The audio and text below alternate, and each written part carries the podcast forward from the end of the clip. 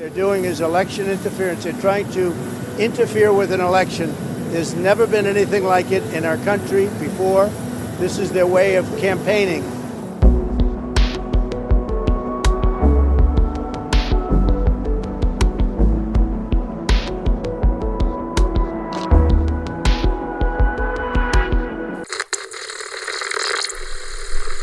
Hai, saya Rifan Dwi Astono.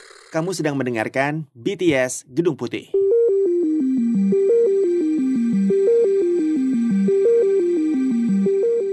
Hai pendengar BTS Gedung Putih, apa kabar? Semoga baik dan sehat terus ya. Menjelang akhir bulan Agustus kemarin, tepatnya di tanggal 24 Agustus, mantan Presiden Amerika Serikat Donald Trump menyerahkan diri ke penjara Fulton County di negara bagian Georgia setelah lagi-lagi tersandung kasus pidana. Seharusnya ini adalah kasus terakhir, kasus pidana terakhir yang dihadapi oleh Trump tahun ini. Kalau teman-teman cek episode-episode sebelum ini, kita juga bahas kasus pidana lain yang menjerat Donald Trump nih. Tapi dalam kasus keempatnya ini, Trump untuk pertama kalinya harus mengikuti prosedur pengambilan foto tahanan alias mugshot. Walaupun Trump sendiri nggak ditahan sih pada akhirnya, dia dibebaskan dengan jaminan. Nah, mugshot ini kalau kalian suka nonton film Hollywood, biasanya kalau ada adegan penjahat ditangkap polisi, si penjahat ini terus dibawa ke kantor polisi, terus didata namanya, warna matanya, rambutnya kayak gimana, lalu cekrek difoto sambil pegang papan identifikasi diri. Nah, itu yang kurang lebih juga dijalani oleh Trump kemarin ini. Pets, kamu udah lihat fotonya belum? Aku udah lihat fotonya seperti apa dan dia nggak pegang itu sih. Dia tidak memegang dia, you know, uh, terdakwa nomor Papan, berapa papan identifikasi Mm-mm. gitu ya. Dia tidak tidak memegang papan seperti itu, tapi yang jelas ini mungkin dari puluhan juta atau bahkan ratusan juta foto Donald Trump barangkali ini yang akan menjadi paling historis yang paling terkenal ya. Ini adalah Hmm. pertama kalinya dalam sejarah bahwa ada mantan presiden Amerika Serikat di foto mugshot, mugshot kan ya namanya ya uh, istilahnya foto Yes. foto tersebut. Ini baru pertama kalinya dan kalau kita lihat uh, mungkin pastinya teman-teman bisa ngelihat di website voaindonesia.com atau voanews.com atau di mana-mana pasti banyak lah ya di media sosial. Iya. Itu akan terlihat sekali betapa Donald Trump itu sangat defiant ya, sangat uh, terlihat apa ya wajahnya itu sangat garang. uh, Seperti matanya itu agak menusuk tajam, kemudian dagunya sedikit ke bawah, seolah-olah ingin menerjang kamera begitu ya. Iya. Dan memang kampanyenya juga menggunakan si mugshot ini bukan untuk menunjukkan bahwa mereka kalah atau terpojok ya kan biasanya yang Hmm. namanya indictment dakwaan hukum itu terhadap kandidat presiden itu kan dianggapnya sesuatu yang yang you know Memalukan bukan sesuatu gitu yang ya. iya yang memalukan tapi kalau kampanyenya Trump justru menggunakan mugshot ini sebagai alat untuk menggalang dana, menggalang uh, dukungan karena kembali lagi ke narasi bahwa Donald Trump dizolimi oleh pemerintahan Joe Biden yang ingin menggunakan departemen kehakimannya sebagai senjata untuk lawan politiknya, weaponizing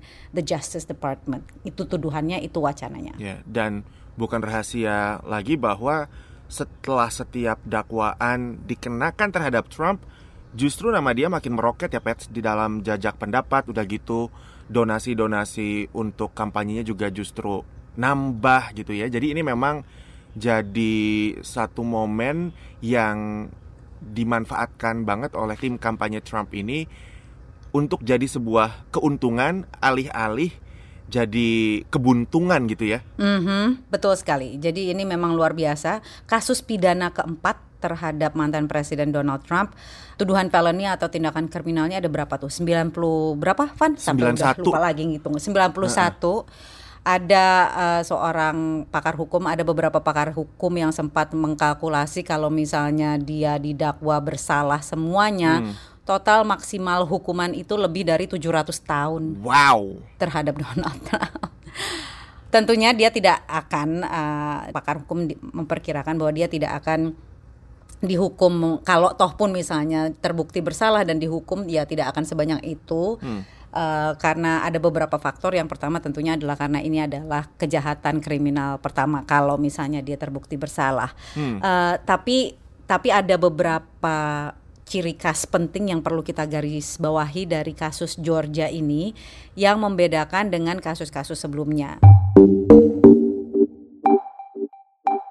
Mungkin kita summarize dulu ya, kita rangkum dulu kasus-kasusnya itu apa aja. Yang pertama kan yang di New York ya kan, kasus uang bungkam terhadap hmm. bintang film dewasa uh, di mana tuduhannya adalah dia menyuap seorang uh, bintang film dewasa untuk tidak membocorkan uh, apa perselingkuhannya affair, ya. perselingkuhannya menjelang kampanye Pilpres 2016. Nah, itu uh, dianggap menyalahi atau melanggar undang-undang uh, terkait dengan uh, pendanaan Pilpres. As part of this scheme, Donald Trump and others made three payments to people who claim to have negative information about Mr. Trump. Kemudian yang kedua adalah kasus di Mar-a-Lago, Florida yang uh, di mana ia dituduh membawa dokumen-dokumen rahasia negara, menyimpannya secara uh, tidak sepatutnya. Hmm. Today, an indictment was unsealed, charging Donald J. Trump with felony violations of our national security laws as well as uh, participating. Uh, dan ini rahasia negara terkait dengan you know defense, nuklir, uh, militer dan sebagainya. So it's serious. Yeah. Yang pertama New York itu adalah uh, tuduhan tingkat negara bagian. Mm-hmm. Yang kedua tadi Mar-a-Lago itu adalah tingkat federal. Okay. Dan yang ketiga adalah uh, tuduhan federal terkait dengan upayanya membatalkan hasil Pilpres 2020 yang memenangkan Joe Biden. Okay. Thank you for joining us. I'm here with the prosecutors and investigators who have worked diligently on the investigation of criminal attempts to interfere in the administration of Georgia's 2020 presidential election. Nah, yang di Georgia ini juga terkait dengan upayanya membatalkan hasil Pilpres 2020, tapi bedanya ini adalah uh, tingkat negara bagian. Kenapa tingkat negara bagian? Karena dituduhkan banyak kejadiannya itu terkait dengan upayanya di negara bagian tersebut.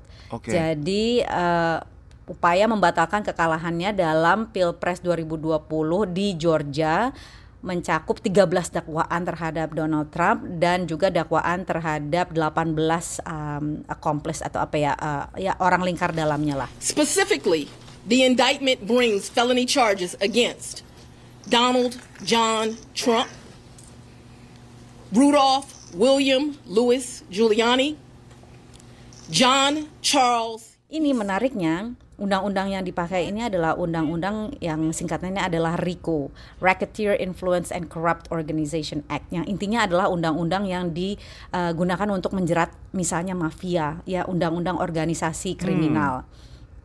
Jadi intinya adalah undang-undang ini memungkinkan mereka menghubungkan berbagai kejahatan yang dilakukan oleh orang-orang yang berbeda uh, dengan asumsi atau alasan bahwa mereka ini bertindak bersama-sama untuk tujuan kriminal yang sama. Jadi jaksa harus membuktikan keberadaan organisasi satu dan yang kedua adalah pola aktivitas yang bertujuan kriminal. Nah itu uh, serius dan satu lagi yang juga membedakan uh, kasus di Georgia ini adalah kalau misalnya Donald Trump terbukti bersalah di tingkat federal, namun ia menang lagi sebagai uh, presiden tahun 2024, ia bisa memberikan amnesti terhadap dirinya sendiri. Tapi untuk yang negara bagian Georgia ini, kalau misalnya ia terbukti bersalah, misalnya toh pun ia menang kembali menjadi presiden, dia tidak bisa mengampuni dirinya sendiri karena menurut negara bagian Georgia itu hanya bisa dilakukan panel di negara bagian tersebut sendiri. Oke, okay. so let's say misalnya persidangan untuk kasus di Georgia ini selesai sejak sebelum Pilpres tahun depan digelar dan mungkin difonis bersalah dengan hukuman sekian tahun penjara.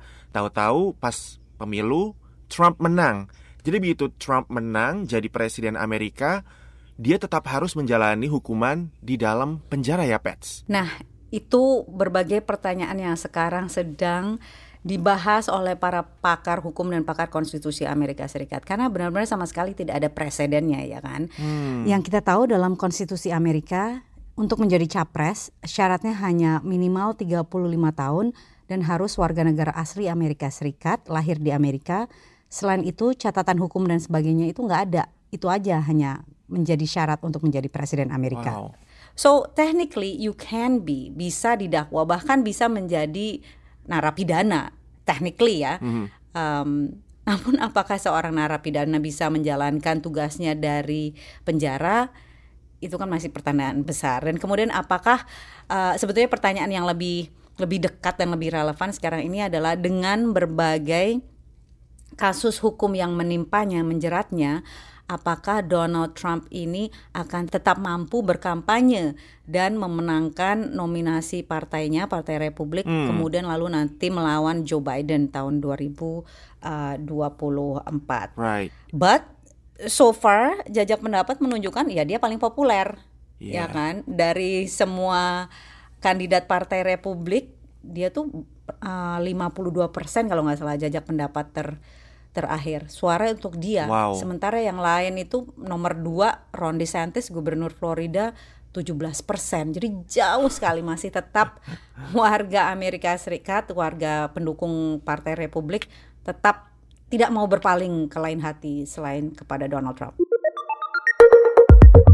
Ini mungkin buat teman-teman yang uh, belum begitu mengerti, oh berarti Trump ini bukan capres Amerika Serikat saat ini. Jadi kalau di Amerika itu untuk menjadi capres di level partai kita harus mau bersaing dengan kandidat capres lainnya. Nah sekarang Trump ini uh, bersaing dengan seenggaknya sekarang ada delapan kandidat capres lainnya ya Pets dan saat ini Trump itu memimpin. Nah delapan hmm. kandidat capres yang lain ini sehari sebelum Trump kemarin menyerahkan dirinya ke penjara Fulton County di Georgia mereka ini menggelar debat bakal capres, tapi Trump hmm. nggak hmm. ikutan di situ, Pets. Boleh diceritain ya. nggak ya. kayak gimana hasil dari debat bakal capres ini bakal membuat perubahan signifikan gak sih ke dalam apa ya peta politik dari kubu Partai Republik? Ya, yeah, so this is a really interesting debate karena ya pertama tadi yang seperti kamu bilang Trump sebagai unggulan nggak mau ikutan karena dia bilang ngapain gue mesti ikut? Jelas-jelas gue paling depan. Dan dia bilang sendiri ya dalam wawancaranya dengan Tucker Carlson yang dilakukan tepat pada saat debat itu berlangsung. Jadi dia tidak mau kalah dia mau menyedot perhatian media. Right. dia uh, melakukan wawancara dengan Tucker Carlson. Tucker Carlson ini adalah seorang apa ya tokoh media right wing, mm -hmm. konservatif uh, dan dilakukan di Twitter, di X ya sekarang. Oh, live streaming gitu ya. Mm -mm, live streaming di situ dan dia bilang ngapain aku mesti ikutan ya nanti aku malah diheres sama orang-orang itu. Hmm. So he was very clear about tujuannya kenapa dia tidak mau ikut. Tapi meskipun dia tidak hadir itu tetap mendominasi debat tersebut ya kan hmm. karena moderator debat tersebut menanyakan siapa yang akan mengampuni Donald Trump misalnya kemudian uh, pendapat para kandidat terhadap uh, berbagai jeratan hukum kasus hukum Donald Trump dan sebagainya. Tapi di luar isu Trump tersebut ada satu hal yang sangat menarik dari debatnya meskipun sebetulnya kandidat yang paling uh, terunggul di luar Trump adalah Gubernur Florida Ron DeSantis, namun ia sangat terbayang-bayangi oleh seorang kandidat lain yang seorang political newcomer hmm. namanya Vivek Ramaswamy. We're hungry for purpose and meaning.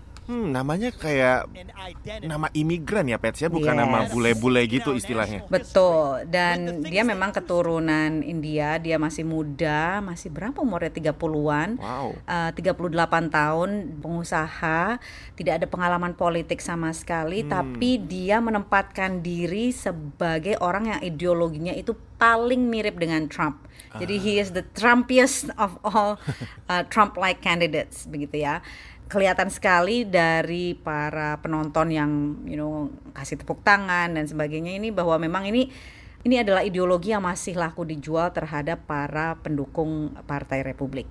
Nah, di antara ke-8 bakal capres yang kemarin ikutan debat kan salah satunya itu mantan wakil presiden Mike Pence Pence. Dia ini adalah oh. wakilnya Trump waktu dia masih di Gedung Putih gitu.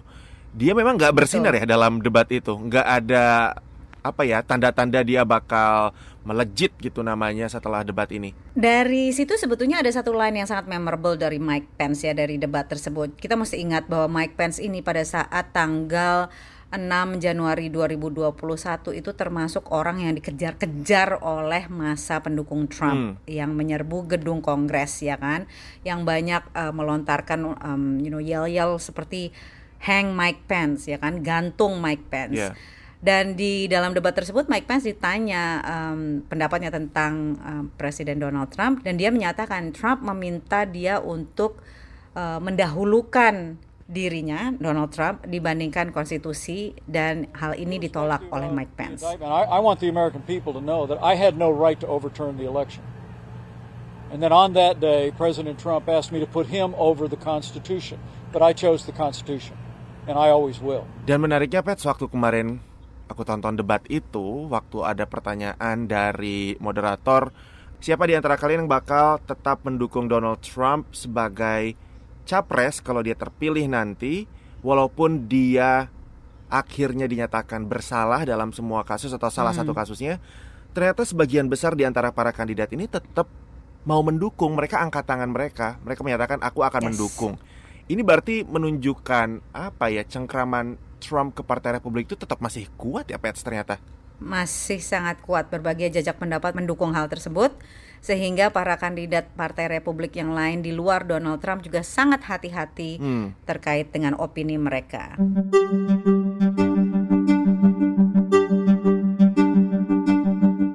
Sekarang untuk Trump sendiri ke depannya, what's next nih Pets? Apa yang akan dihadapi oleh Trump masih ada kejutankah yang akan kita temui? nah, waktu di awal podcast kan kamu bilang sepertinya ini kasus terakhir yang akan menjerat Trump untuk tahun ini dalam hatiku. Hmm, tar dulu. Karena aku sompral ya. iya, karena hari gini ya, aku udah aku udah tahu nih bahwa yang namanya meliput Donald Trump itu one thing that you should not do is you should not predict karena ke, kemungkinan besar kalau mau prediksi akan salah. Uh, ya jadi banyak sekali tanggal-tanggal um, yang harus diperhatikan terkait dengan berbagai kasus kasus kriminal Donald Trump uh, termasuk trial date untuk yang kasus election interference itu uh, kalau pihak jaksa mintanya itu Januari 24 sementara pihak Trumpnya sendiri minta nanti aja deh setelah Pilpres tahun 2026 hmm. jadi memang banyak sekali tanggal-tanggal yang harus diperhatikan dan intinya adalah ya udah Van kita berdua akan tetap sibuk aja gitu selama beberapa bulan ke depan. So I want to thank you for being here. We did nothing wrong at all and we have every right every single right to challenge an election that we think is dishonest, that we think it's very dishonest. So thank you all very much, and I'll see you uh, very soon. Thank you very much.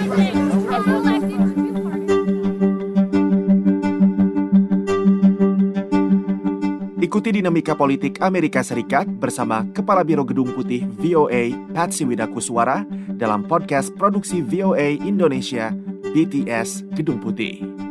Sampai jumpa.